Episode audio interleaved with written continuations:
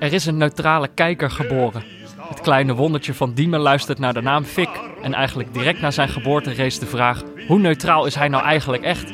Verborg hij zijn woede tijdens de blamage van Ajax? Hield hij zich in tijdens Galatasaray tegen Trabzonspor? Of was dat de beschouwende neutrale blik van een onschuldig geboren kind? Worden we wel neutraal geboren? Of stroomt het clubbloed daadwerkelijk al van jongs af aan door de aderen? En is het neutrale kijken iets wat we later pas gaan doen om onszelf te beschermen? Of om afstand te nemen van onze afkomst en daarmee pas werkelijk onszelf te worden? Zoveel vragen. En Vic, ik weet het ook allemaal niet. Maar ik vind het leuk dat je er nu eindelijk bent. Welkom.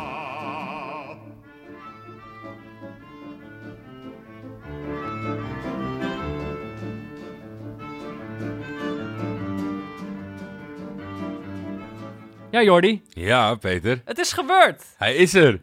Je bent vader. Ik ben vader. De eerste podcast als vader zijnde. Wow. Ja. Hoe, hoe gaat het met je? ja, het gaat eh, ontzettend goed. Ontzettend goed. Eh, wel eh, spannend allemaal, moet ik zeggen. Er blijkt ook een soort van... Ja, mag, zo werkt het eigenlijk niet, hè, want je mag er niks over zeggen. Maar een soort fight club voor vaders. Allerlei eh, vaders eh, die er zijn die mij contacten van... hey, ik ben er altijd voor je als wat is. eh. Oh. Ja, vond ik wel echt, echt Ja. heel, heel tof. Nee, ja, ontzettend, ontzettend mooi. Woensdag, woensdag was het zover, afgelopen woensdag, 6 februari. En toen, hij heeft heel lang op zich laten wachten. Maar toen ging het ook ineens heel snel. En ja, ik weet niet. Dus meteen, ja, ze zeggen wel eens dat je dan... Het is ook zo stom om te zeggen, maar ja, alles is waar of zo. Alles wat ze zeggen is waar. Alle clichés. Ja, alle clichés zijn daarom clichés. En, en daar is het ook veel over gegaan. Dat werd ook veel tegen hem gezegd. En ik kan ook eigenlijk niet anders zeggen. Dat, ja, misschien ben ik wel... Word je ineens wat zachter of zo? Ik ben niet echt een zacht persoon. ik merk ook dat ik altijd getwijfeld heb of eigenlijk zeker wist... dat ik niet de persoon zou zijn die de hele tijd mijn kind aan andere mensen wil laten zien. Maar dat is eigenlijk wel zo. En dat is ook... Toen je hebt hem ook meegenomen nu, zie ik. hij zit hier heel rustig in zijn maxi cozy achter op de scooter.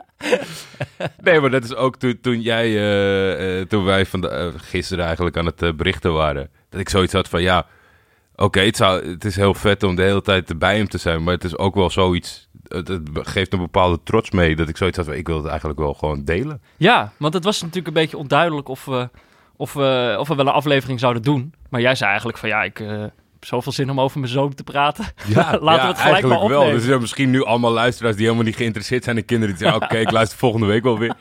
Nee, maar het is... eh, ja, wat, wat moet je eigenlijk zeggen? Ik, ik denk ook misschien wel dat ik merkte dat ik een soort van licht feministisch werd door het hele traject. Ja? Ont, ja, nou had ik al... was jij toch ik, al? Ik had al redelijk veel, eh, behoorlijk veel eh, respect voor vrouwen.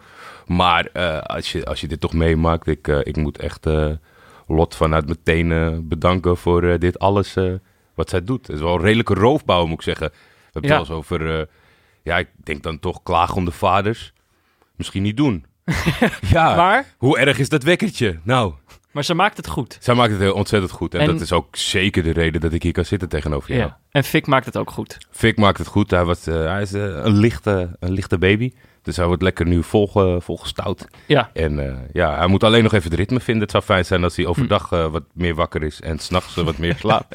maar daar komen we wel doorheen. Ja. Ehm, maar daardoor, kijk, eh, kijk, kijkers hebben, of luisteraars hebben Mm. misschien, ja, we hebben niet echt, we hadden niet zo'n polletje met een wedstrijd, Nee, eh, ehm, omdat we dus nog niet wisten of we het gingen doen. Maar we hebben, nou ja, we hebben een speciale aflevering toch maar eh, even, even snel, wat was het, gisteren? ja, gisteren Even snel eh, in elkaar ik gezet. jou eh, welke wedstrijden nog eh, in aanmerking kwamen. Ja, maar ehm, kijk, ik kan, ik kan Jordi niet tegenhouden. Misschien wil hij gewoon de hele tijd over zijn kind praten. Eh, en dan Dat- ga ik hem gewoon ruim baan geven. mogelijk dat eh ertussen proppen. Kijk, en eh, alles wat, wat ik weet over kinderen eh, is dat ik er zelf een ben. Ja, En, eh, en verder geef ik jou gewoon ruim baan om alles te zeggen wat je wil zeggen. ik, ik denk ook enigszins dat ik het misschien wat, wat makkelijker heb nu... omdat ik zoveel met jou ben opgetrokken de laatste Ja. tijd. Nou, je hebt wel ervaring met kinderen, denk ik. Ja, ja, nou, je bent wel goed met kinderen, moet ik zeggen, hoor. Ik vind dat je, dat, dat je het erg goed gedaan hebt. Ehm, verder nog wat gedaan deze week? Vlak voordat Fik kwam, eh, had ik, eh, heb ik een mailtje gestuurd naar Kroki. Ja. Kroki leeft enorm. Ja. Eh, ook zeker bij de luisteraars. En voor ik dat vergeet, moet ik ook nog zeggen... alle luisteraars die op social media zitten... die, die hebben zulke lieve, leuke berichten gestuurd naar mij om te feliciteren. Ja. Vond ik ontzettend leuk en ontzettend origineel vaak. Maar, ja, weet je, Kroki, het is wel een redelijk fenomeen. Iemand had een gifje gemaakt van hoe hij door een gang liep. Ja, ik zeker in mijn broek afgelopen Wow, maandag. dat was zo leuk. Hij werd inderdaad volledig omarmd door de, door de community. Ja. Door de neutrale kijkers. Terecht ook wel, want het is, het is in alles. Eh, ik, al moet ik zeggen, ik had niet verwacht dat ik me ooit zou herkennen in Kroki. Maar vanaf woensdag snap ik zijn gemoedstoestand. Zo stap jij door het leven. Zo sta ik nu in de Hmm. slaapkamer. Eh, maar ik was wel benieuwd naar het verhaal achter Kroki. Waar is hij bang voor? Waar, is, waar komt de paniek vandaan? Ja. Dus ik heb eh Kroki, de Belgische firma, eh, gevraagd of wij in contact konden komen met hem. Zij gaven sneller antwoord dan ik dacht, maar wel ja, niet bevredigend antwoord. Nee. Ik heb gedeeld met jou. Ja, Hij was teruggevlogen naar België. En hij was niet eh, te boeken voor interviews. niet beschikbaar. Ja, de- ik weet niet of we daar genoegen mee moeten nemen. We zijn nou één keer afgescheept, maar eigenlijk wil ik toch... Ik wil gewoon... Kroki moet hier gewoon een keer in de studio zitten. ik wil hem gewoon interviewen. Nou, in ik ging pak ook moet hij dan na komen. de mail ging ik eigenlijk, want daarvoor was het misschien een beetje uit gekkigheid ontstaan. Maar daarna ging ik dromen over het feit dat. Hoe vet zou het zijn als die papegaai hier de hele tijd naast ons zit? Dat we er ook op staan. Moet, weet je wel, niet gewoon die gast die in dat pak zit moet komen. Gewoon met dat pak aan. Ja, uit Ik wil helemaal niet weten wie erin zit. Hij moet in zijn rol zijn, een uur lang. Ja, misschien is het iets, want het, het, het formulier en, en, en eh, het klantcontact is supergoed van Kroki. Ja, En we hebben natuurlijk, eh, eh, jullie zijn met heel veel luisteraars. Misschien moeten jullie wel dat contactformuliertje insturen, dat ze doorkrijgen bij Kroki, dat dit enigszins ja. groter is dan, dan alleen Jordi Amali. ja misschien moet gewoon... want anders moeten jullie zelf iets gaan verzinnen. Eh, maar misschien gewoon zoiets sturen als... eh, eh, Hallo Kroki. We zouden het leuk vinden als je een keer te gast bent in de podcast Neutrale Kijkers. Zij zijn een heel groot fan van jou. Groetjes. Ja, nee, de luisteraars. Oh, wij inderdaad. Ja, Wij. Wij, je hebt gelijk. Ja, dat is toch scherp voor jou. Nee, is goed. En dan moet het toch lukken. En je dat- toch, hoeven ons toch niet te laten afschepen door een papegaai. Nee. Die gast moet gewoon een keer Ik langskomen. weet ook zeker dat als het bericht hem zelf bereikt, dat hij wel bereid is. Het gaat Ja. gewoon om, er zitten nu mensen tussen Ja. die dat niet aanvoelen. Dus wie weet, ja. wordt vervolgd. Hey, wat andere dingen. De mensen hebben gewoon allerlei dingen weer ingestuurd. Ja, Eh, allereerst, wij hebben hier een aantal keer contactadvertenties voorgelezen van, van het eh, tijdschrift Arts en Auto. En jij kwam wat op het spoor. ja, ik ben echt alleen maar lovend geweest over dat blad. Vanaf het moment dat ik van het bestaan weet, Ja, eh, ben ik er door. ja jij bent er eh, helemaal weg van. bezeten. Ja, En zeker door die... En misschien zijn daardoor wel mensen het iets nauwkeuriger gaan lezen. Want deze week stond er ineens eh, op diverse nieuwsites dat via de contactadvertenties bij de ledemaatjes... ja. de trucken worden uitgewisseld voor belastingontduiking. Ja doe- daar eh, ben ik toch fel op tegen. Want wat doen ze nou, die artsen? Je mag zeg maar, eh, je mag geen huis kopen voor je eigen kind of zo? Of dan, dan komt Nee, je mag een, een 102.000 euro eh, belastingvrij schenken. Mhm. Maar je kan ook bij de notaris laten, iets laten noteren van... mijn ouders schenken Peter een ton en de ouders van Peter schenken mij een ton. Ja. Ja, je zit al snel in de hoek van als je een ton kan schenken aan je kind... eh, dan is dat... eh, ja, dat zijn die artsen. dan hè? zou je toch voldoende hebben. Maar dat doen, dat doen ze dus. Dan zetten ze een contact, contactadvertentie in arts en auto. Ja, Waarin ze dan zeggen: hey, eh, ik- zoek nog een zoon om een ton te schenken. als jij mijn zoon een ton schenkt. ja. Ja, redelijk bizar. ook weer met zo'n met zo'n afstand... Maar dat, dat doet wel iedereen in dat blad met zo'n... aangemaakte Gmail-account. Ja, Ik ga heel even snel spieken of ik kan vinden. Hier. Schenkingwoning.gmail.com. ja, nou ja, het is toch dat ze dan minder, minder makkelijk te traceren zijn of zo. Ja. Zodat het zijn. Ja, ik vind het, eh, ik vind het niet netjes. Dan wil ik toch even zeggen, daar staan wij niet achter. Ik wil best eh, wat oudere vrouwen een museummaatje bezorgen, maar Ja. ik, ik, ik sta niet achter dit soort eh, trucs om de belasting te omzeilen. Absoluut niet Nee, hè? Daar zijn wij tegen. pertinent. Niet doen, arts en auto. Afgelopen week schitterde Teun Meurs met zijn verhaal in Eigen Tijden Sport. ja, Woest waren menig viskenners. Ja, Ja, want Teun Meurs beweerde dat hij een eh, makreel uit het IJsselmeer had gekregen. een van verse. een, een verse van een mannetje dat eh, langs de lijn stond te kijken. En die tegen hem zei, "Je- ah, over drie weken spelen jullie daar en daar. En dan kom ik een makreel uit het IJsselmeer brengen. Toen reageerden allemaal mensen, dat kan helemaal niet. Nee, nee, nee. er, zitten, er zijn geen makrelen in het IJsselmeer. Ja, ik twijfelde even totdat, eh totdat Albert Visser zich meldde. Dat is eh, een, een Onze correspondent van Urk. Urk en eh, een eh, vis, eh, viswatcher. Ja, vriend van de show ook. Zeker. En die zei dat onmogelijk. Dus het- of het mannetje heeft gelogen of... Laten we ik, geloof, ik geloof Teun wel, dus ik denk dat dat mannetje heeft gelogen. Ja, Ik wil Teun niet, eh, niet helemaal kapot. Zijn dromen zijn al in duigen gevallen. Die heeft gewoon, die heeft gewoon een eh, ontdooide makreel van de Jumbo gekregen van die man. Dus laten we dat, dat mannetje is eigenlijk gerectificeerd bij deze. Steun, jouw dromen blijven gewoon als we eh, dat mannetje weten te vinden, dan gaan we nemen Maken we hem helemaal kapot. Eh, daarnaast werd ik door eh, teamgenoot en vriend Thomas Dijkman erop geattendeerd dat mijn gok bij de boete nogal belachelijk was qua laagte met Mourinho, met de, met de quiz vorige week. Ja, En, maar ik twijfelde over het antwoord überhaupt. Acht ton, ja. voor het zo rond en niet onderbouwd. Had je ook gezien dat een dag later moest Ja, hij, precies. heeft hij 3 miljoen betaald voor, voor belastingontduiking in eh, Spanje? Dat had hij al een keer gedaan en nu Ja. bleef er nog steeds wat openstaan. Dus dat, het antwoord klopte sowieso niet. Het was gewoon een slechte vraag. Maar Het is echt een beetje een soort bibliotheekboete voor mensen die ooit bij Real Madrid hebben gezeten.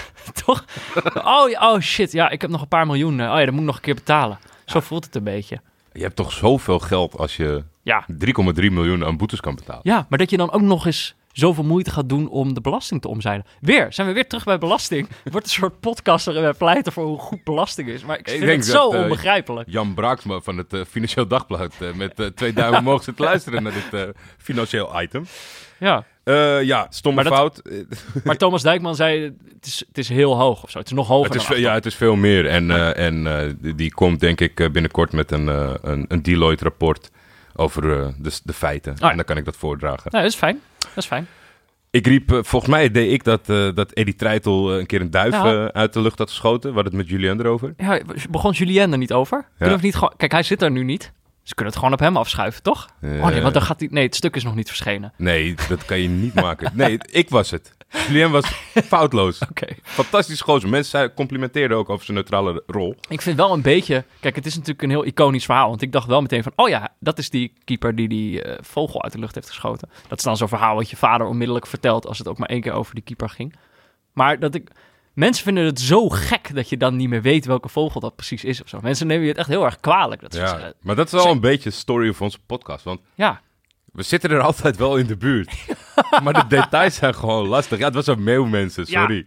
ja, kijk, ik heb wel hilarische foto's gezien van Eddie Treitel met een meeuw op zijn hoofd. Ja, Eh, maar dat was wel onmiskenbaar een meeuw. Dus de mensen hadden wel, eh, hadden wel gelijk. Maar ja, dat ja, herken je dat vanaf van als, je, als je in een stadion zit van zover? Jawel, of niet? Jawel. duif of een meeuw? Ja. Ja, jawel. Tuurlijk wel. Al is, het maar, al is het maar om hoe die schreeuwt als hij geraakt wordt door een bal. Eh, ja. Dit is eigenlijk de grootste fout die we hebben gemaakt. Nou, die jij ja. hebt gemaakt eigenlijk. Ja, de leukste fout, denk ik.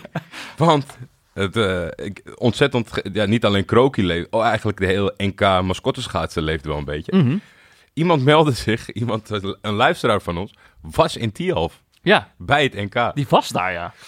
Eh, beste Peter en Jordi, met name Jordi. Mijn oren konden het niet geloven toen er tijdens de rectificaties van deze aflevering al een catastrofale fout werd gemaakt. Op, de dinsdag, op deze dinsdagochtend was ik nog aan het nagenieten van de fantastische eerste editie van het open KPN NK mascotteschaatsen.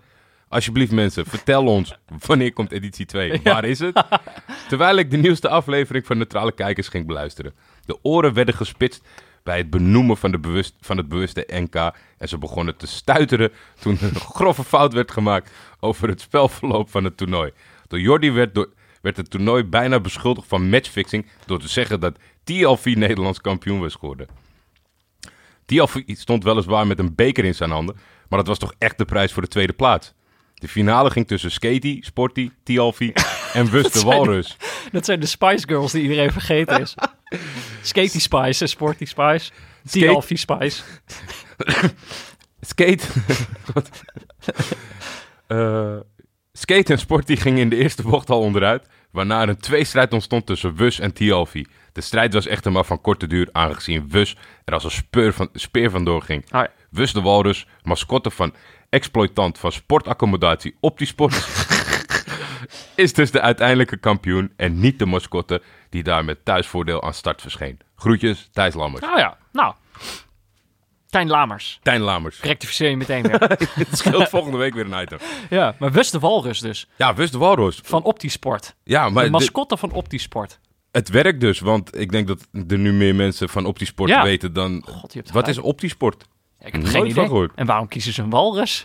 en waarom Meer heet een die sportsymbool, toch? Ja, nee, ik weet het ook niet. Optisport. Nou ja, ik wil weten waarom ze een walrus hebben. Ik wil Dus weten wanneer deel 2 is van het NK. Ja, want ik, dan gaan we ik denk langs. dat we erheen gaan. Dan gaan we erheen en dan gaan we, gaan we Kroki en bushen. Laten schrikken.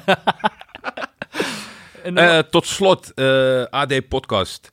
Eh, de voetbalpodcast van het Algemeen Dagblad. Daar had ik gezegd van, nou ja, een beetje eh, in dat artikel dat, eh, dat het wel erg snel eh, beoordeeld was als zijnde goed, omdat er één aflevering was. ja. Toen dacht ik dat het er twee waren. Mhm. Ik werd erop geattendeerd in eerste instantie door Minne Groenstegen en, en de Jaap van Zessen. Jaap is chef online, de grote baas. dus die hebben gelijk. Het is niet één aflevering, maar vier. ja, nee, dat maakt het een heel ander verhaal.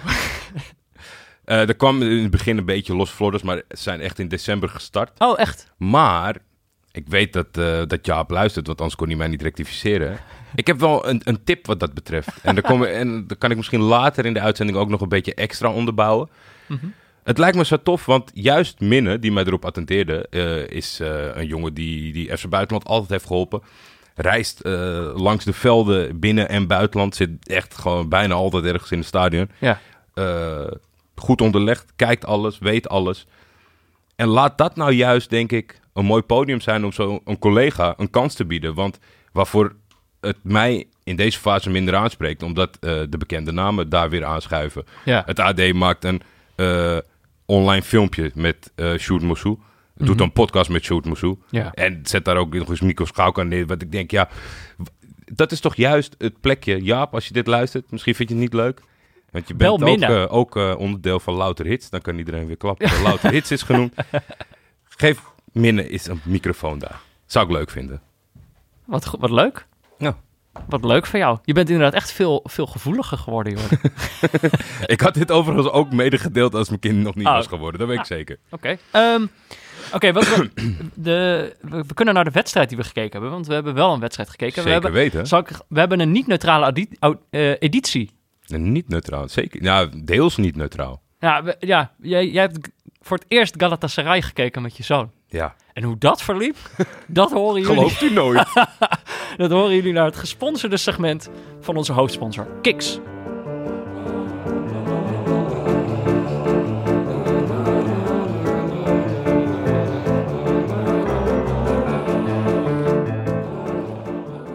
Dit is Eigen Tijden Sport in samenwerking met onze hoofdsponsor Kiks, waarin we terugblikken op historische gebeurtenissen in het voetbal die waarschijnlijk terecht in de vergetelheid zijn geraakt.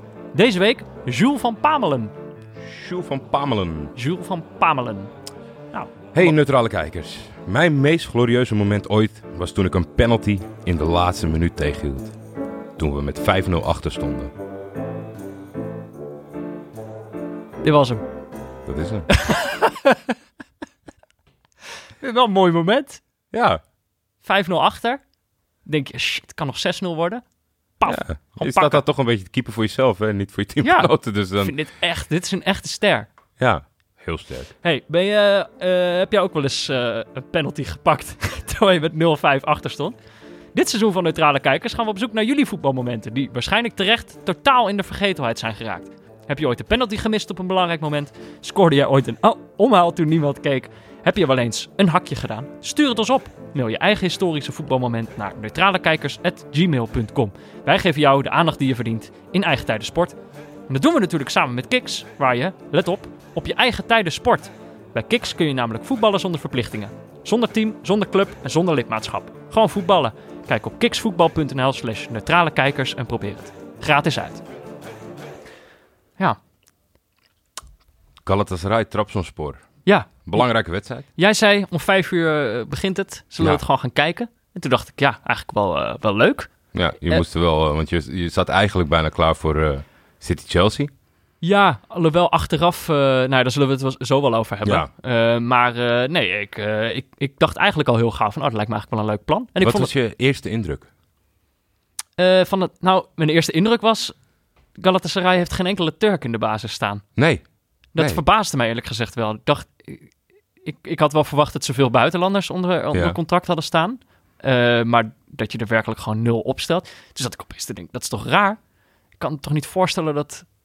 Kijk, het is vast wel een keer gebeurd. Er zijn mensen die me vast gaan rectificeren. Maar er zijn, zou het raar zijn als je een Nederlandse club hebt... waar gewoon geen enkele Nederlandse speler in de basis staat.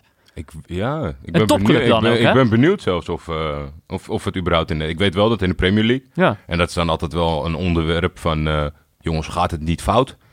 Maar ja, er is, eh, er is een reden voor. En het is heel gek dat het sentiment eh, bij de eigen aanhang is van... eh, hoe minder, hoe beter. ja. En dat heeft gewoon te maken met, met dat het de laatste keer met de wijziging van de regels... die zijn de laatste jaren heel veel steeds veranderd. Van Ooit drie- mochten ze er maar drie, toch? drie buitenlanders Ja. naar, naar, naar, naar acht, naar nul. Naar de, en in de fase dat het heel erg gekort was... en je moet het zien dat ze eigenlijk morgen beslissen... dat eh Galatasaray maar drie buitenlanders mag hebben met deze selectie. Ja, Dus je moet als de video, ja, een soort tovertruc doen... om, om Turkse voetballers eh, Ja. ergens vandaan te halen. ja. Maar wat er dus gebeurt in het huidige voetbal... is dat dat de, de prijs enorm opvoert. Want iedereen had Turkse spelers nodig. Dus alle subtoppers die een beetje schappelijke voetballers hadden... die dachten van, ja, kassa. Want als je nu eh, Ali wil kopen... die was normaal 500.000 euro waard... ja. betaal maar 4 miljoen, je moet toch wel. En zo zat het ook aan de onderhandeltafel van de, van de contracten. Dus daar zijn heel veel eh, miskopen. En nog erger dan miskoop, ja, eh, gewoon jongens die gewoon ook niet meer vertrokken. Omdat ze zoiets hadden van, nadat de regelaanpassing terugdraaide... had iedereen zoiets van, nou oké, je hebt hier even goed kunnen boeren. Je hebt 2 miljoen gepakt, eh, twee jaar lang. ja. Verlos ons. Eh, maar dat deden ze gewoon niet. Want ze zijn bij alle topclubs gewoon met de armpjes over elkaar op de bank gaan zitten. En daar is heel veel aversie door ontstaan. Ja, oh ja. En daar komt het Oh, sentiment op dit moment. Maar het was natuurlijk wel extra, eh, extra ja, duidelijk gisteren. Want Trabzonspor is een van de weinige clubs die veel met eigen talent Ja, precies. speelt. Ja, daar- allemaal ja. jonge Turkse jongens op het veld staan. Waaronder een keeper van 18. Ja, Die een, eh, een, een leuke openingsfase tegemoet kreeg. Zo, ja, want de- eigenlijk mijn tweede indruk was gelijk dat, dat Galatasaray gewoon alleen maar aan het aanvallen was. Ja. Ze hadden voor mijn gevoel ook gewoon echt wel zes aanvallers opgesteld of zo. Ja. Eh, in ieder geval weinig, weinig middenvelders die ook, eh, ook mee teruglopen. Het was gewoon echt aanvallen, aanvallen, aanvallen. De bal ging er, ging er in het begin nog niet in. Nee, nee, nee, nee. En dat is, ook, dat is altijd wel een beetje een moment eh, als je niet neutraal zit te kijken, dat je een beetje huiverig wordt. Want Ja. meestal als je zelf verzuimt te scoren, dan doet de tegenstander het wel.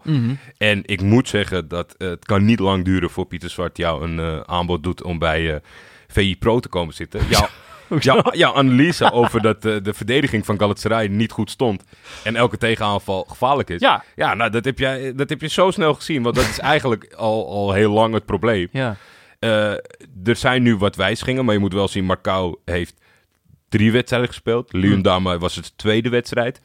Nagatomo komt terug van de Asian Cup, dus Oh, daar ja. viel wat voor te zeggen. Het is beter dan het eerst was.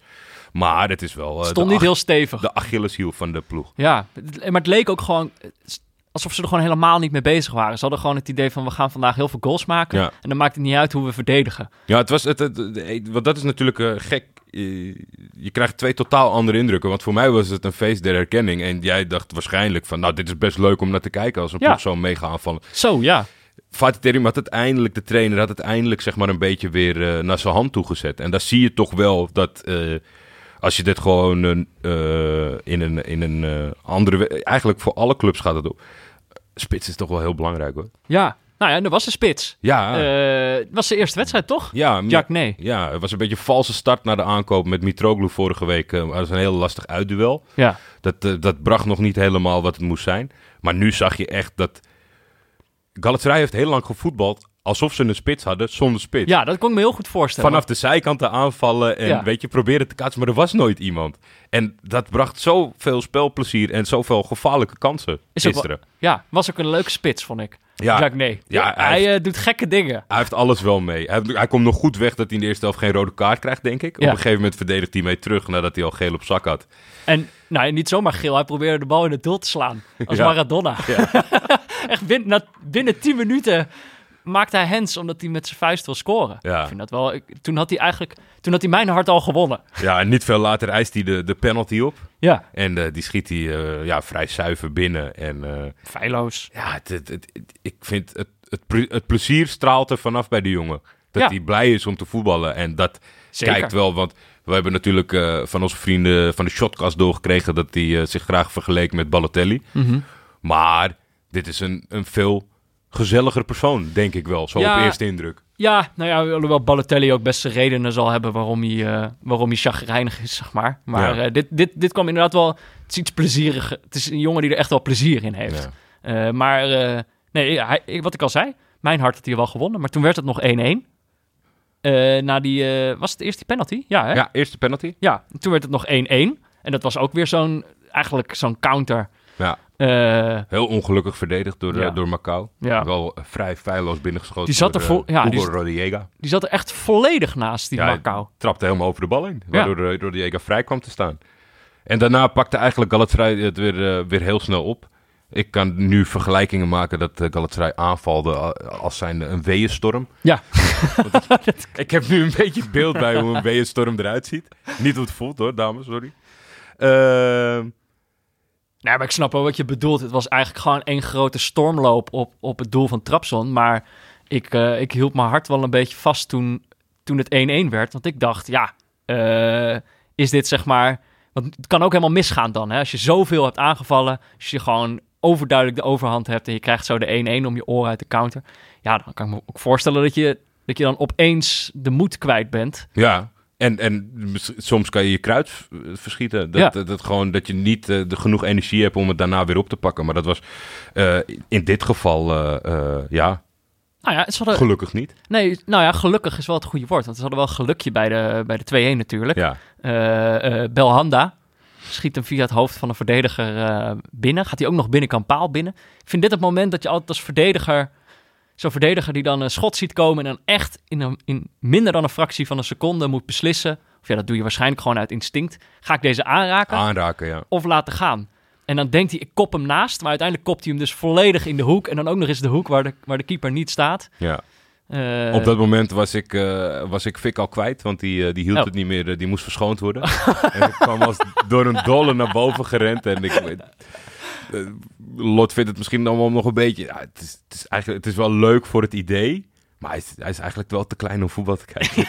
Gaat, gaat nog niet echt. Maar het is... Het is eh, het is heel leuk om een soort van talisman te hebben. Ik ben daar nogal van. Van dit is de eerste wedstrijd in mijn nieuwe huis. Ja. Als, als, het niet, als het niet gewonnen wordt, dan verkoop ik hem. En dit was natuurlijk ook wel een soort van beladen duel. En dat, dat pakte ja wel fijn uit. ja, het Eh, werd ook nog 3-1.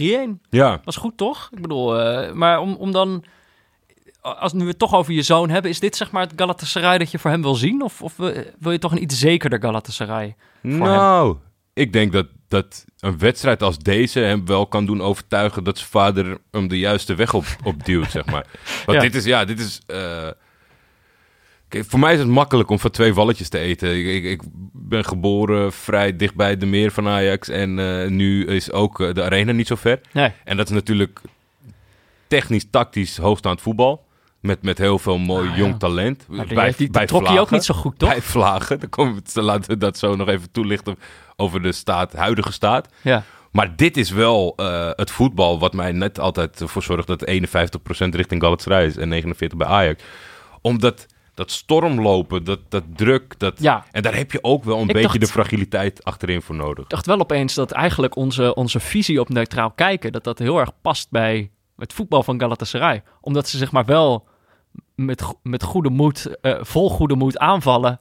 en tegelijkertijd ook gek genoeg zijn om de wedstrijd spannend te houden. Zeg. Ja, Dus ze ja. zijn niet een ploeg die, die Trabzon helemaal wegspeelt.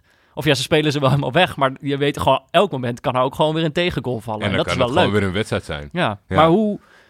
Want ik, toen jij die, die wedstrijd... Jij wilde Galatasaray gaan kijken. Toen maakte je ook een opmaking, opmerking over het neutrale kijken. Dat je, dat je zoiets had van... Nou, ik vind dat we ook gewoon weer een keer... eh, eh, niet neutraal naar een wedstrijd moeten kijken. In dit geval dus Galatasaray.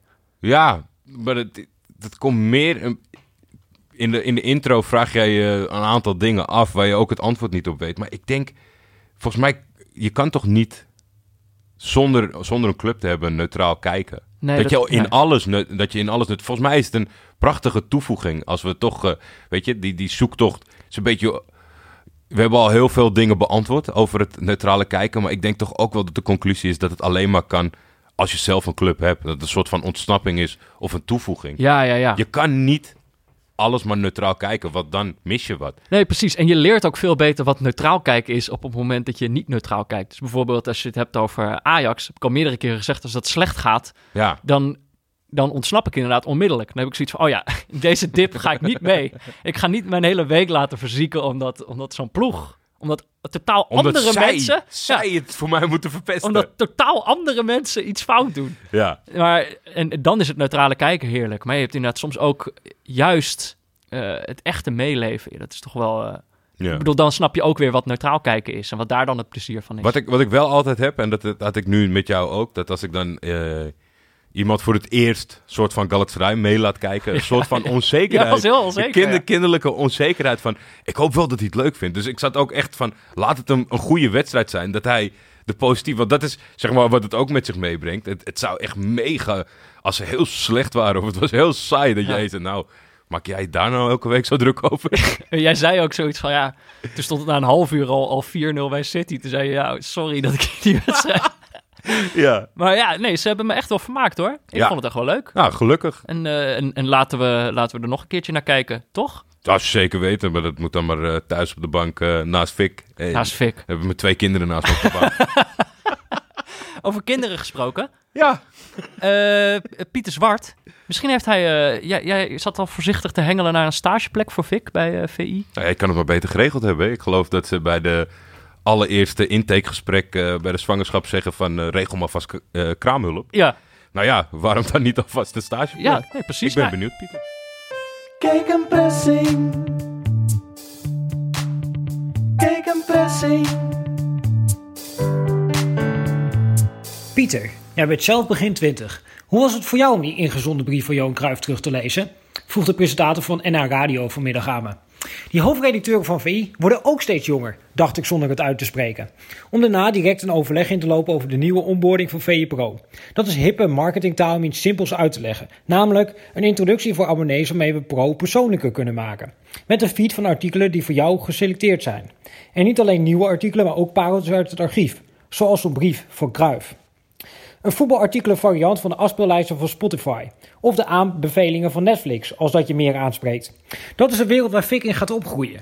Maatwerk in plaats van hetzelfde krijgen als ieder ander.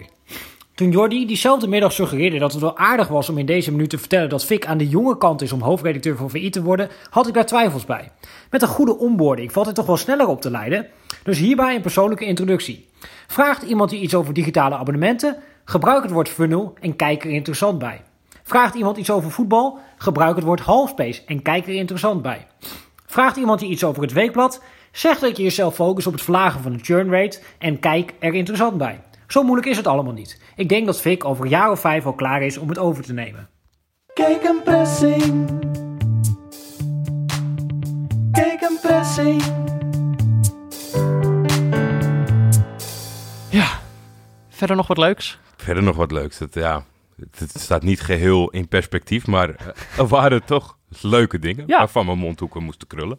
Ja. Eh, jij bent eh, natuurlijk de felicitator van deze show. Zijn er nog Oh. mensen jarig vandaag? Nou, bij deze, ja, nou, er zijn twee mensen jarig. Oké, ik en ben dat benieuwd. is echt, het is hartstikke leuk. De eerste is namelijk, we hebben, ik wou zeggen, we hebben deze zomer een beetje mot gehad, maar eigenlijk, Jij. ik ben vooral boos geweest op hem. Hij, ja, hij heeft waarschijnlijk, Hij ook wel op jou hoor. ja, maar ja, ook niet echt. Of hij, ook niet echt. Het voelde niet helemaal als een, eh, als een gelijke strijd. Maar eh, Jeroen Gruter is vandaag jarig. Ja, Is toch leuk? Hij 50. is 50 geworden. Nou, dat vind ik een fantastische leeftijd. ik ook. Dus, en eh, ik hoop dat hij nog vele wedstrijden blijft doen, zowel in het voetbal als in het zwemmen. Ja, En dat hij een ontzettend leuke dag heeft gehad en om het vandaag met zijn collega's eh, bij de NOS Voetbalpodcast te vieren. nou, dat hoop ik ook. Ik ook. Gefeliciteerd. Maar er is nog iemand jarig. Een grootheid. Een echte grootheid. Iemand die hier vaak is geweest. Ja, eh, niet, ja, Ja. ja. Ja, Rafael van der Vaart. Gefeliciteerd. Ook Ralf. 50. Dat vind ik zo... Ja, dat verwacht je toch niet? Ik kan me gewoon nog herinneren dat hij Nee, debuteerde. maar joh. het, ineens valt wel alles op zijn plek Ja. van de eind van zijn carrière. Want hij is natuurlijk vorig jaar gestopt. ja. Ja. Op je 49ste, wat, wat kan je nog verwachten? Ja, joh. Precies, dan, moet je toch niet meer, dan gaat hij toch geen sprintjes meer trekken? Gun die jongens rust. Geen rectificatie, maar gewoon een, een soort van teken dat ik zonder... Ik, ik leef al geruime tijd zonder Facebook en ik ben gewoon heel slecht met verjaardagen. Want vorige, Oh ja, week, vorige week had jij eh, het rijtje. Toen bleek, toen ik thuis kwam, dat mijn allergrootste voetbalheld George Hadji ook jarig was. dus George, als je luistert, eh, met terugwerkende kracht gefeliciteerd. Ik weet nog, ik had, ik had vroeger zo'n... Ik had een, eh, een voetbalagenda van VI. eh, en daar stonden op, op de middelbare school. Ja. En dan eh, echt in de brugklas volgens mij. En dan stonden dan alle verjaardagen van eredivisievoetballers. Stonden er ook in. Dat was ook op mijn... Nou, blader je meteen naar je eigen verjaardag natuurlijk. En dan met stond wie dan deelde echt, jij hem? Ja, ik weet het niet eens precies meer. Het was echt een hele gare voetballer. Oh, wacht, nou moet ik het wel checken. Straks dan beledig ik... Nou weet ik niet eens wie ik beledig. nou ja, dit, dit, dit check ik nog wel. Ik durf het gewoon wel aan. Oké. Maar het was, ik was er niet super blij mee, dat weet ik nog wel. Ja, dat je denkt van, ik Komt sla hem open en ik ga het iedereen vertellen. Dat je denkt, ah, laat maar. Zo leuk, is, zo leuk is het ook weer niet. Klaar maar, inderdaad. Maar dan nog iets, ja, iets wat denk ik jou nog meer aangreep dan mij. Eh het ging veel over de VAR dit Ja. weekend in de Eredivisie. Nou ja, ook weekend wel, toch? Ja, eigenlijk wel. Danny Desmond Makkely. Ten onrechte, ten, ten onrechte eh, overruled Ja. door een, ja, Nou, ik moet zeggen tijdens het interview redelijk arrogante Paul van Boekel. Hij is natuurlijk niet ten onrechte overruled. Want de scheidsrechter heeft, heeft dat recht om dat te doen. Eh, maar omdat... Maar is het niet ten onrechte als het niet juist is? Eh, nou ja, kijk, dan, dan is het niet ten onrechte. Maar dan zou je wel kunnen zeggen, eigenlijk, zou, eigenlijk is dat raar als je dat als scheidsrechter doet. En al helemaal als je het bij Danny Desmond Makkely doet. Want Ja. we weten allebei, die gast heeft altijd gelijk. Maar die, die, zit er nooit naast. 99% van alle VAR-wedstrijden is hij assistent geweest. Die- Hoe kan je daar nou aan twijfelen? Die man woont in dat hok. Hoezo zou hij het niet goed zien? Maar het... Kijk, eh, ik vind in de discussie over de VAR... eh, ik vind het altijd zo gek dat er dan, als er zoiets gebeurt... dan wordt dat onmiddellijk een soort discussie over... of we de VAR wel moeten houden. Dus dan Mhm. heb je zo, zo'n 71-jarige man als dik advocaat... Die, die zich dan echt gedraagt als een soort kleuter over die, over die VAR. En die zegt dan ook, ja, het is allemaal willekeur. Maar ergens is het ook gewoon... Kijk, we moeten ook gewoon een beetje wennen aan die technologie en aan hoe je dat toepast. En ik denk dat dat ook is wat er bij Paul van Boekel gebeurt. Die is gewoon nog niet helemaal gewend aan het... Kijk, die wil niet overruled worden of zo. Dus die wil zelf nog een gevoel van, eh, van autonomie bewaren op, dat, eh, op dat veld. Daar raak je het punt wat eigenlijk elke gekke beslissing die genomen is, tot nu toe met de VAR, Ja, dat het gebeurd is omdat de, het ego van de scheidsrechter in de weg zit. ja. Elke keer. Ja, maar ik denk dus dat is gewoon... Dat, dat, dat is echt een kinderziekte. Dat is echt over, eh, over een jaar of zo, dan is iedereen daar Denk je als, als, als, een, als een persoon zo ijdel is dat dat... Dat herstelt zich toch niet? Het is toch geen Ik kinderziekte? denk wel deels is... Nee, dat is misschien... Nou, kijk, ik denk als je echt ijdel bent... vind je het ook niet leuk als het hele land over je valt of zo, toch? Ja, Eh, aan de andere kant denk je... Hé, hey, mijn naam staat bij alle artikelen. ja, ik weet het niet. gaat om massa, niet om Ik denk, kwantiteit boven kwaliteit. ik denk inderdaad dat scheidsrechter wel een, een vak is waar, waar ijdele mensen eh, terechtkomen. Veel. Veel, ja. Eh, denk ik wel, maar tegelijkertijd geloof ik ook wel dat die, die mensen daadwerkelijk gewoon willen dat de wedstrijd goed verloopt. Oké. Dus ik vertrouw er wel op dat, dat dit soort dingen er echt wel uitgaan. En je hoeft echt maar de Premier League te kijken. Ik maak al voorzichtig een bruggetje als je Ja. wil. Om, om te zien hoe fijn de VAR is. Want echt elk weekend gebeuren daar weer dingen dat je denkt van ja, dit heb je gewoon niet. Als je de VAR niet hebt en dan zitten er weer mensen na te praten die zeggen ja, volgend seizoen hebben we godzijdank de VAR. Ja. ja, weet je, dat zet alles zo in perspectief. Ja. Eh, en, en voor mij is dat echt, eh, die kinderziektes worden ruimschoots gecompenseerd door, eh, door zeg maar het gevoel van rechtvaardigheid dat over iedere wedstrijd hangt. Maar ja, dan moet je dus wel naar Danny Desmond Makkely luisteren. vond je het de penalty? Tuurlijk. Als Danny het een penalty vond, dan vond ik ook. Toch? Ja. Zo simpel is het. Eh, ik noemde het al even Premier League, City Ja. Chelsea. Gebeurde veel. We konden hem niet kijken omdat wij Galatasaray zaten te kijken. Ik heb die uitgebreide samenvatting van City Chelsea wel zitten kijken. Maar ik vind, ben blij dat we die niet hebben gekeken. Want het was gewoon niet echt een goede wedstrijd voor de neutrale kijker. Of zo. Het was echt... eh nou, eenrichtingsverkeer is ook weer echt te veel eer voor City. Want, of te weinig eer voor Chelsea eigenlijk. want Die hebben echt nog wel... Higuain heeft nog een paar mooie dingen gedaan. Maar ja, het wordt gewoon 6-0. Het was echt een slagpartij. Ja. Eh, en dat, dat is niet altijd even leuk om naar te kijken. Ik vond wel eh, Sterling. Dacht ik van, oh ja, dat is toch ook wel echt een hele leuke voetballer. Die gast was echt supergoed. Die tikte uh, Aspilicueta eigenlijk helemaal schil. Ja, kan hij echt eh, op een goede dag. Ja, en eigenlijk sowieso, nou ja, het speelde gewoon wel mooi. Speelde gewoon wel mooi voetbal. Eh, ja. Maar er waren wat gekke dingetjes. Nou ja, er waren wel wat gekke dingetjes. Ja. In eerste instantie, eh, ik hou ervan. Ik denk dat dat voetbal is. Ik denk dat, dat je daar... eh, dat het goed is dat een tegenstander zich furieus erdoor voelt. En, en weet je, dat grappig. City draaide het liedje wat Chelsea bij opkomst draait. bij thuiswedstrijden na de wedstrijd. Ja, dat is toch gewoon, dat is toch gewoon leuk. Dat, ik vind dat humor. Jennen. Ja. Ik vind, ja, ik, ik vind het, gewoon- ja, ik vind het gewoon... Ja, Jennem, je mag toch wel? Als, Ja. binnen, binnen het respect, eh, weet je, je hoeft niet, eh, je hoeft niet met gestrekt been erin om in voetbaltermen nee, te je blijven. mag- als je, als je niet eens... Precies, als je niet eens feest mag vieren nadat je met 6-0 hebt gewonnen, Ja. wanneer dan wel? Een Bij- superbelangrijke Bij de wedstrijd. die wij, die wij eh, gekeken hebben, bijvoorbeeld, was er op het grote megascherm na afloop. eh Trabzonspor vindt dat zij in 2011 kampioen hadden moeten worden, omdat eh, de matchfixing had Oh ja. plaatsgevonden. Dus Venner heeft hun beker en dat hebben ze altijd. Wij willen de beker in ons museum. En Mhm. aan het eind van de wedstrijd maakte Galatasaray reclame voor het museum, waar je alle bekers kan zien die zij hebben Was dat gewonnen. expres? Ja, tuurlijk. Ja, dat, is gewoon, dat is toch gewoon een gebbetje. Want Dat moet, eh, dat, ik vind dat, dat is leuk. Maar dat heeft City dus vandaag die is weer treurig excuses voor aangeboden. Ik vind sowieso, in, in, in Engeland doen ze altijd zo over dat corpmanship. ja. We hebben het hier al eerder gehad over dat Sarri, de, de bewuste trainer, dat hij dan, dat hij dan geen kritiek mag hebben op zijn spelers. Ja. Ik vind dat allemaal zo, het is zo, zo alsof het allemaal een soort eh, baby's zijn. ja, alsof- Beetje respect voor baby's, hè? sorry, ja, ik, toen ik het zei dacht ik, oh shit, jij staat hier nu heel anders in. Eh, in, dat, in die situatie... Ik zou het heb fik nooit aandoen, laat ik het zo zeggen. Nee, dank je. Maar in die situatie heb ik het nog ontzettend opgenomen voor Sarri. Maar dat kan ik vandaag helaas niet doen. Voor onze kettingroker. Want die gaf Pep Guardiola geen hand. Ja, En dat die moet zegt, dan weer wel. En die zegt vandaag, ik zag hem niet. Ik zag, Peter, kom op nou, man. net zoals dat Marcel Keizer de witte zakdoekjes niet zag, zeg maar. Ik heb het niet gezien. Nee joh, waren die er? Die man met griep. Pep, was die er ook? ik heb hem helemaal Nee, niet ja, gezien. dat was... eh, dat, dat moet dan weer wel. Ja, Dat is echt een, maar het is wel echt het minimum aan corpmanship. Altijd een hand geven. Zelfs Mourinho en Wenger deden dat, ja. Denk ik. waren wel mooie, mooie handen. Gewoon allebei een andere kant op kijken. En Ja. ja, niet zo een beetje in de lucht ledigen. Zelfs die het kunnen. Ja. Dan eh, vind ik vond dat zo flauw. Wat vind je van Mike Dean? Dat, ik dacht dat filmpje. Er werd een filmpje van die scheids ge- geplaatst na de wedstrijd. Die natuurlijk de wedstrijdbal aan Aguero moest geven. Omdat hij een hat had gemaakt. En eh, City plaatste dat filmpje. En zo kwam ik erop. Iemand retweette dat. Ik zag het eh, account van Manchester City had dat geplaatst. Met een soort eh, emojis van ha, ha, ha, ha. Dus ik klikte en dacht, oh, Mike Dean heeft een leuke grap gemaakt. Maar wat hij... Ik snapte echt totaal niet. Wat was hij aan het doen? Hij deed die bal onder zijn shirt, Achter zijn rug. achter zijn rug. Want Aguero zou nou toelopen om de bal Ja, te krijgen. En het was zijn grap van... Hé, hey, Aguero, ik heb hem niet. Maar dat deed hij niet echt. Nee, hij... Hij haalde hem eigenlijk meteen al uit zijn shirt toen hij tegenover hij was te vroeg. Hij voelde zich niet, niet prettig genoeg erbij, denk ik. Ik denk dat hij het in zijn hoofd had. Ik ga dit doen. Ja. Het werd er heel ongemakkelijk van. Het, en, en Aguero stond ik... Wat Ja. doe jij nou? Ja, Die stond maar echt, wat doe jij? dat Geef hielp dus bal. ook niet, ja. Eh, nee, het is, het is een scheidsrechter die het leuk vindt om lollig te doen. Ik weet, Oeh, ja. ik, ik vind het een heel moeilijk punt. Ik, ik, toen ik het zag... Kijk, want ik dacht dus echt dat ik een leuke grap zou zien. Ja, En dat viel helemaal in het water, omdat hij het niet met overtuiging deed. Ik denk, als je een gekke scheidsrechter wil zijn, doe het dan gewoon vol overtuiging. Want dan wordt het wel gepikt. Het is juist een beetje dat halve gedoe waar, waar iedereen gewoon ongemakkelijk van wordt. ja. Inclusief eh eh, Aguero. Dan moet je zo'n jongen niet aandoen. Die was trouwens ook... Ja, die hele discussie is daar nou weer gaande. Die gast is natuurlijk gewoon al jaren, jaar na jaar zo ontzettend goed.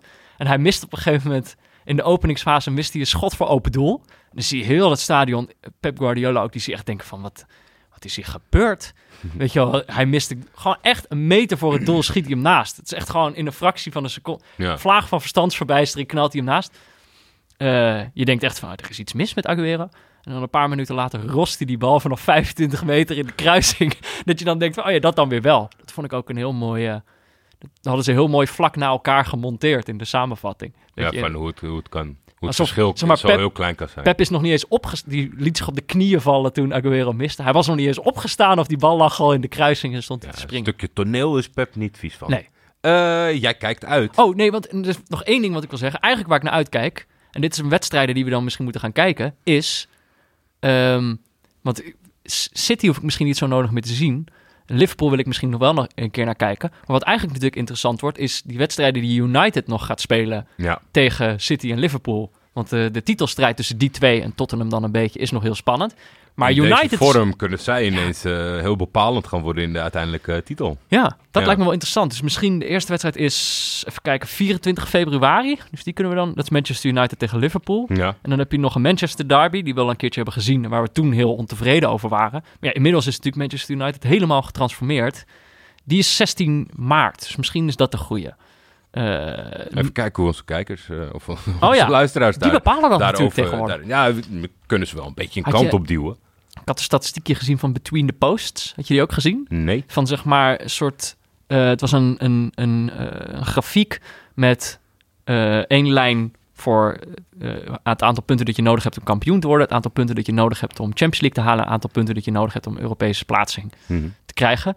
En dan zeg, zie je zeg maar de koers. En dan had je twee lijnen. Eentje was expected goals en de ander was eh, eh, of het expected aantal punten en het aantal punten dat ze daadwerkelijk haalden. Of het was expected goals. Nou weet ik het ook niet meer precies meer. Pieter, mijn kans is vergaan bij deze. Maar in ieder geval, het lijntje is, wat die statistiek liet zien, is dat het moment dat Solskjaer aantreedt, zijn zij meer doelpunten dan verwacht gaan maken, terwijl ze niet specifiek meer expected goals zijn gaan halen.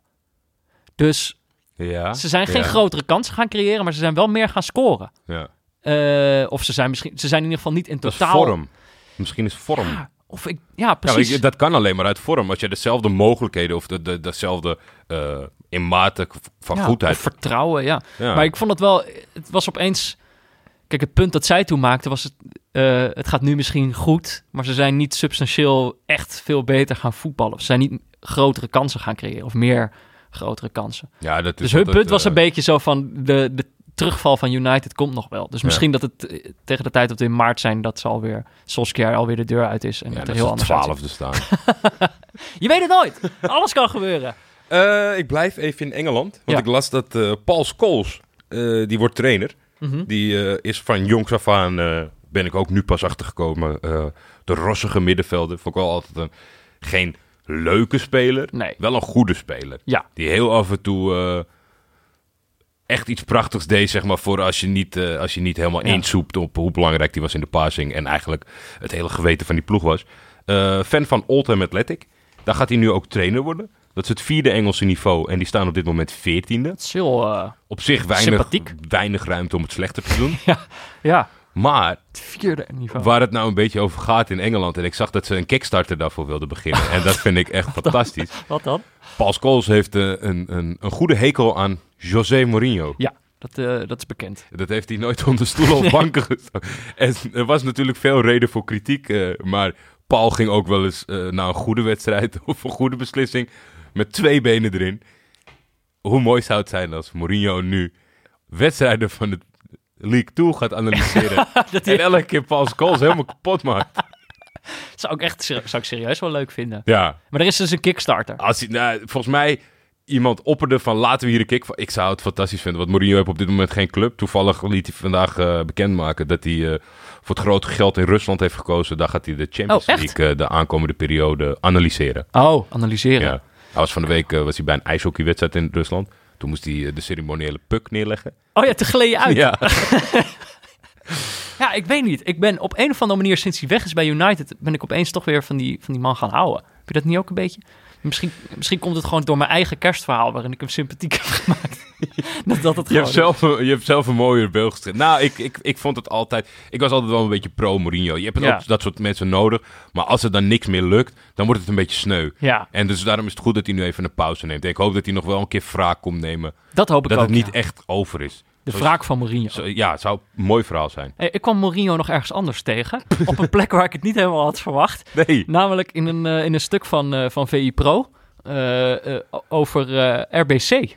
Ja, RBC leeft, dat weten wij. We hebben trouwe Roosendaalse support, eh, luisteraars natuurlijk. Precies. Wij hebben het wel eens eh, in deze podcast wel eens gehad over, over de, de enige RBC-fan die toen toch niet de enige Het waren er zijn. twee. Of de laatste RBC-fan noemden we hem.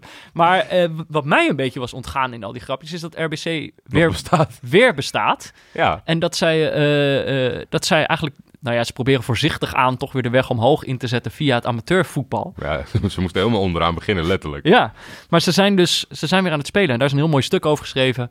Eh, goed, mensen moeten dat zelf maar gaan lezen. Maar Henk Vos is daar nu de trainer. Ja, mooi. Ehm, en ik dacht, misschien moet ik gewoon een Alinea eh, eh, voorlezen. En dan kunnen mensen gewoon... Als teaser. Als teaser, ja. En dan, Geschreven het- door Gert-Jan Jacobs. ja, en ik kan echt aanraden om dat te lezen. Ik vind toch vaak dit soort stukken... Ik moest zelf ook denken aan momenten dat ik een keer bij FC Eindhoven tegen Helmond Sport was. Toen ik nog eh, bij Eindhoven in de buurt woonde.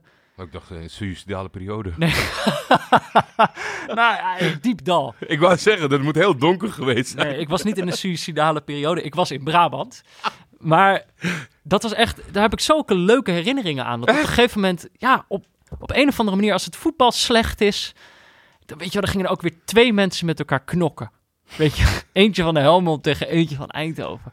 En dan... Het is wel eerlijk, dat zie je niet veel meer in de stadions. En dan ga je naar de wc en dat zijn dan houten deuren en daar staan dan gewoon dingen ingekrast over mensen die daar in de buurt wonen. Ja, ik vond het gewoon, ik, ik weet niet, ik voelde me daar veel meer thuis dan, dan in een groot stadion of zo. Ja. Dus ik vind het gewoon ook leuk als daarover geschreven wordt. En er werd dus over RBC, er was eh, een wedstrijd tussen twee derde klassers, een bekerwedstrijd. Dat was ook nog eens een derby Een derby. kwamen allebei uit Roosendaal. Nou, deze alinea werd erover geschreven. De wedstrijd tussen de twee derde klassers is nog maar net afgetrapt of de vlam slaat in de pan. Er zijn opstootjes, overtredingen en vliegende tackles. Kunstgras of niet. Overal staan mensen opgewonden naar elkaar te schreeuwen. Spelers, publiek, trainers. Twee jonge Roosendaal-fans hebben het gemunt op Gerjo Prins, de assistent-trainer van RBC. Hij is het die wordt uitgemaakt voor mafkees en konijnenkop. Hij is ook degene die de twee schreeuwers schuin achter hem uitnodigt voor een knokpartijtje na afloop. Er zijn mensen die menen dat assistenttrainers rustige, onopvallende types zijn. Zij kennen Gerjo Prins niet. Als een Brabantse José Mourinho staat hij langs de lijn. De Roosendaalse kou en duisternis een schraal decor voor zijn grote theatrale gebaren. Geëmotioneerd kijkt hij toe. Een badmeester die een plas vol drenkelingen overziet. Zijn instructies als reddingsboeien. Kantelen, brult hij. Doorzakken! Commando's die zijn spelers buiten de lijnen vermoedelijk vlotter tot uitvoering brengen. ja, ik weet niet. Eh, mooi stuk. Lees het, Absoluut. zou ik zeggen. Ja, ik moest het meest... eh, ik, ik, ik moet hem nog helemaal... eh, ik moet hem nog aflezen. Maar ik heb erg gelachen om het stuk dat Henk Vos... eh, Over zegt, voetbalschoenen? nee, zegt dat, eh, dat hij zijn eerste wedstrijd met RBC op het hoogste niveau nooit zal vergeten. En dat de verslaggever Gertjan Jacobs in dit geval vraagt... Weet je nog tegen wie het was? En zegt hij volgens mij de Graafschap. Bleek het Fortuna Sittard. Ja, ik vond, ja, er zit ook een heel mooi verhaal in over dat hij, dat hij een keer helemaal uitgelachen is omdat hij witte voetbalschoenen aan ja, had. witte schoentjes. Ja, zeker. Dan zegt hij, nu doen ze het allemaal. Maar weet je wanneer ik het er pas slecht uit vind zien? Als slechte voetballers het doen. Is wel zo. nou ja, dat is, het, is, het is een mooi stuk over, zeg maar, de onderkant van het voetbal. Ja, ja absoluut. En eh, ja, niet de onderkant, maar Ja, een, maar een je dat? Nee, nee, nee. Ik bedoel, ik, ik, ik ging al naar het volgende onderwerp. Oh. Ik ging niet jou verbeteren. Ik zou niet durven. Glenor Ja, Plet. het voelt wel een beetje als een onderkant, dit verhaal, toch? Ja, het is de onderkant of misschien eh, de, de minder leuke kant. Ja. De onbelichte kant. Want die, die, die, die kennen we natuurlijk in Nederland allemaal hartstikke goed. eh, de boomlange spits, Ja, zoals we dat graag Redelijk noemen. sierlijk ook wel eigenlijk. Ja, Zo herinner ik me hem in ieder geval. Misschien dat het in de Heracles praktijk... en Twente eh, steeds wel goede periodes gehad. Ik denk dat het overal niet heel lang, of, of, of dan maakte hij weer een overstap. Ja. Maar die belandde dus eh, twee jaar geleden bij Alanya Sport, dat weet ik ook nog. Mhm. Eh, nou houden ze in Turkije wel van mutaties binnen de elftallen. Ja, En eh, daar is hij een beetje in conflict met de club gekozen, gekomen. En daar heeft Julian Droog van Vice Sports een stuk over geschreven. ja hij zit op... Gleiner Plet zit op een zijspoor. Ja, En die loopt nou een beetje... Die loopt gewoon een beetje rondjes over een, over een trainingsveld. Ja, en de, de vergelijking werd uiteraard meteen gemaakt eh, met Winston Bogarde. Daar kon hij zelf ook wel om lachen. Ja, want het is, hij heeft gewoon een te goed contract. Ja, Toch? Dus hij wil hij het heeft ook niet laten overweging ontbinden. gemaakt, eh, ondanks alle pesterijen, om, eh, om vol te houden. Ja. En dat doet hij dus op dit moment ja, eh, niks anders dan, eh, dan hele saaie trainingen op onchristelijke tijden. Ja. Ja, en dat is inderdaad de achterkant. Nou ja, dit is ook een mooi stuk. Ik zal deze allebei, zal ik even het linkje in de show In de notes. show notes. Ik vind dat altijd zo. Ik heb nog nooit een show note gezien, maar doe je dat echt of niet? Ja. Ik vind het wel altijd leuk als je het zegt. Nee, ik ga het echt doen. Zie je dat alleen bij Art 19, denk ik? Eh, nee, bijvoorbeeld in, in iTunes kan je zien kan Ja? je de show notes zien. Ja, en dan kan je op het linkje klikken en dan kom je op Ik de gebruik site. altijd Google Podcast als app. Oh, daar, ja. daar staat niet zoveel. Nee? Volgens mij. Weet ik eigenlijk niet. Nou ja, dat moeten we een keer onderzoeken. Maar ik, ik, denk, ik denk dat het in, dus in de beschrijving van de aflevering kan je dan een linkje vinden. En dan klik Ja. je daarop en dan kan je het zien. Ik zou het ook wel leuk dat je helemaal op het eind een disclaimer geeft van eh, toezeggingen die gedaan zijn in deze uitzending. Kunt u mij niet aan vastpinnen. Eh, daarnaast heb je natuurlijk enke- een tijdje terug had jij een vraag. En toen kwam het erop Nou, dat neer was- dat jij wist de Nou. uitdrukking kast. Ja, dat ik daar, dat ik daar bekend mee ben. Dat ja. jij eigenlijk gewoon toch wel een straattaal-expert bent. Nou ja, expert zou ik mezelf nooit noemen. Nee? Maar ik kom wel eens op de straat. Een straattaalwatcher. Ik kom er wel eens. Gisteravond, eh, kijk, nu als vader eh, vind ik al die eh, jonge, leuke, hippe initiatieven over voetbal, dat interesseert mij niet. Ik kijk Studio Voetbal op zondagavond, omdat mijn mening... Ja, ik hing aan de lippen van Arno Vermeulen. ja. Prachtig. En totaal, ik was echt helemaal flabbergasted op het moment dat presentator Tom Egberts naar iets refereerde wat hij fitty noemde. Ja. Nou ja, fitty is natuurlijk straattaal voor een gevecht. Mhm. Vind jij dat, dat om 11 uur op de NPO gedoogd is? Dat de, de meerjarige presentator zegt fitty? Wat vind je daarvan? Nou ja, ik vind, dat ze dat, ik vind dat ze dat dan wel consequent moeten blijven doen. dan moeten ze gewoon, dan moeten ze ook gewoon allemaal straattaal gaan gebruiken, vind ik. Nee, ja. Zal dit uit de vergadering denk- komen dat ze moeten verjongen? Nee, ik Dat denk, dit de oplossing is? ik denk Fitty is gewoon echt niet meer alleen maar straattaal, toch? Ik bedoel, ik denk niet dat, Ah, dat- denkt- anders had hij dat toch nooit gekend als het alleen maar straattaal was? Oké, het is groot. toch? het is- of denk je is dat Tom Egbers gewoon, als die uitzending klaar is, gaat hij in het op park Ur- zitten? Urban Dictionary. Nee, gaat hij gewoon in het park zitten met zijn jongens. Gaat hij even, dan, dan rookt hij nog wat, drinkt hij een paar blikjes, dan hebben ze het over fitties en dan gaat hij naar huis. Fitties en tangen. ik zie het helemaal voor me. Nee, ik, ja, ik, ik, ik, ik, vond het...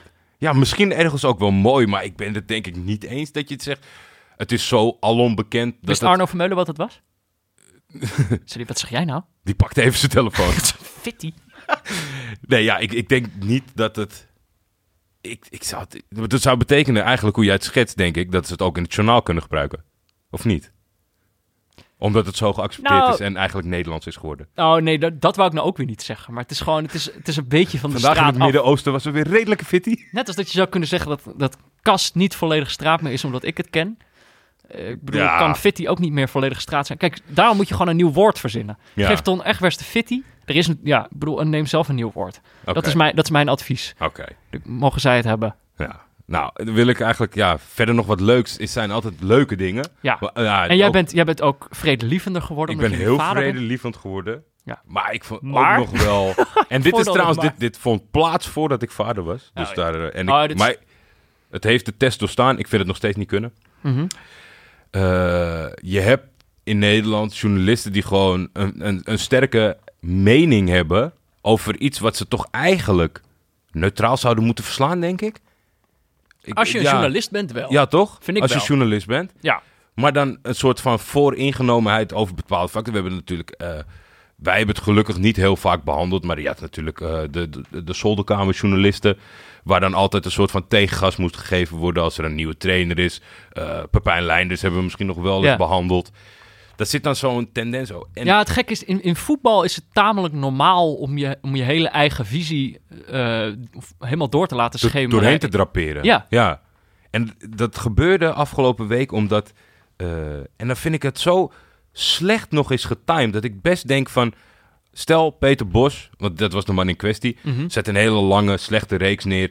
en je, je voelt de, de noodzaak om daar een grapje over te maken... omdat je een soort van denk je gelijk te Ja. kunnen halen daarmee. Maar hij had gewoon een classic Peter Bosje, toch? Ja, maar hij Gewoon- verloor een bekerduel daags na een fantastische overwinning op Bayern München. Ja. En ik denk, als je dan toch als journalist denkt van... Nou, het, was iets in de tendens van... Nou, dat, eh, dat eh, Heidenheim eh, is wel een hele goede ploeg. of zal wel Oh, een hele fantastische ploeg zijn. Dat was de, dat was de grap met, met van die blozende tekentjes. En dan denk ik, kom op jongens. Dat vind je flauw. Ik vind dat eigenlijk niet eens kunnen, denk ik. ik vraag me echt af... je vindt het moreel verkeerd. Nou, het- Je bedoelt gewoon als journalist. Ja, als journalist, ja. Want ik, ik zit meer te denken in de, in de strijd van... Want social media wordt zeg maar vanuit je werk een soort van... Het zou erg prettig zijn als je dat hanteert. Dan kan je doorlinken naar de site en dat soort dingen. En dan krijg je dat eh, zinnetje in je, in, je, in je bio van... Ik, ik twitter op persoonlijke titel. Maar ja, als je elke keer alleen maar werkgerelateerde stukken en tweets doet... Vind ik dat niet opgegaan. Ik, zit met, ik denk me dan vooral af... Als hoofdredacteur zou je toch druk moeten maken daarover. Ja, Ik zou dat niet leuk vinden, denk ik. ik denk dat het, het komt voor mij... wa- waarom ik me er vaak aan stoor is... eh, is dat het allemaal voortkomt uit een soort gebrek aan nieuwsgierigheid. Eh, Ja. Michiel de Hoog had daar deze zomer eh, tijdens het WK gewoon, gewoon een mooi stuk over... waar dat ging ook letterlijk over die nieuwsgierigheid. Terwijl dit zijn gewoon... Kijk, zo'n Peter Bos is iemand die het op een andere manier probeert te doen. Daarin voelen bepaalde mensen zich dan bedreigd. En dan elk momentje dat het fout gaat, Ja. meteen je gram halen. Terwijl ik denk, het is toch voor iedereen veel prettiger als je, als je het met een soort, als je het met verbeelding en fantasie zoiets gewoon gaat bekijken en zoiets gewoon een eerlijke kans gaat geven en je er een beetje in probeert te verplaatsen. Maar dat dan, dat je zeg maar zo keihard vast blijft houden aan je eigen dingetje. Ik Wat ook gewoon, dat- wat in mijn optiek in dit specifieke geval ook nergens op slaat. Want hij is hartstikke goed begonnen. Ja, En heeft twee eh, wereldprestaties neergezet in de wedstrijden. En in een beker loop je dan tegen een zeepentop. Dus je, je kan nog helemaal je gram niet halen. nee, precies. Maar Ja. zo graag wil je het dat je het nu al zou willen doen. En je hebt het zo mooi gezegd dat ik daar verder niks aan wil toevoegen. Op één uitzondering na. Ik vind wel dat alle mensen altijd Pieter Zwart moeten blijven tweeten als er een doelpunt uit de voorzet wordt gescoord. Nou, dat vind, ik, dat vind ik een mooie noot om mee te eindigen. ja, Ehm, komende week gaan we, het, eh, gaan, we, gaan we toch weer wel gewoon een polletje eruit sturen voor welke wedstrijd we gaan kijken. ja dan nog- is Fik 8, kom op. Precies. Dan eh, kunnen we er gewoon weer tegenaan. Eh, dus, dus die zien jullie nog wel tegemoet via, de, via jouw Twitter, denk ik. Jawel. Ehm, en dan, dan hebben we volgende week, als het goed is, hebben we weer eh, neutraal een wedstrijd bekeken. Absoluut. Ik vond het wel, ik vond het leuk, Galatasaray deze keer. Daar ben ik ontzettend blij mee. En ik, ik vond het heel leuk om vandaag even lekker met jou te potten. Ik vond, het, ik, vind het, eh, ik vond het leuk om je weer te zien, Jordi. Ja. En ik ben, eh, ik ben hartstikke blij voor je. En ik ben ook heel blij voor Fik. Ik Nou. hoop dat hij goed slaapt vannacht. Ik denk dat we het gaan luisteren, want ik heb, eh, ik heb wel eens vernomen dat baby's het goed doen op deze podcast. Hey Fik! Alles goed? Nou ja, voor nu was dit Neutrale Kijkers in samenwerking met Dag en Nacht Media. Veel dank aan onze hoofdsponsor Kiks. Aan Pieter Zwart voor zijn diepteanalyse van de werkvloer. Aan Barry Pirovano voor de schitterende illustratie. Laurens Collet voor de gegenpressing jingle. En natuurlijk aan Studio Cloak en Leon Lischner en Friends voor de muziek. Eh, ik wil ook alle luisteraars bedanken. Dat doe ik eigenlijk elke week. Ik wil Fik bedanken. Ja, ik Die wil Fik toch ook. eh, z- 50% van deze uitzending weten te vullen. knap stukje timing ook. Precies tussen twee afleveringen in. Waardoor deze er gewoon kan zijn. Stel, hij was Ik ga gisteren niet gekomen. liegen dat het eh, door mijn hoofd is gegaan. Ik had in mijn hoofd een deadline van als hij die dag komt, dan kan het. Als Ja. het die dag komt, dan kan het niet. Nee, precies. Nou, dus precies goed. Fik, Keurig, jongen. Fik, ik heb je een beetje kritiek gegeven omdat je, zo, omdat je wat later was. ik moet nu zeggen, de timing was top. Eh, kan niet weten. Eh, nou, tot volgende week dan, Jordi. Tot volgende week, Peter.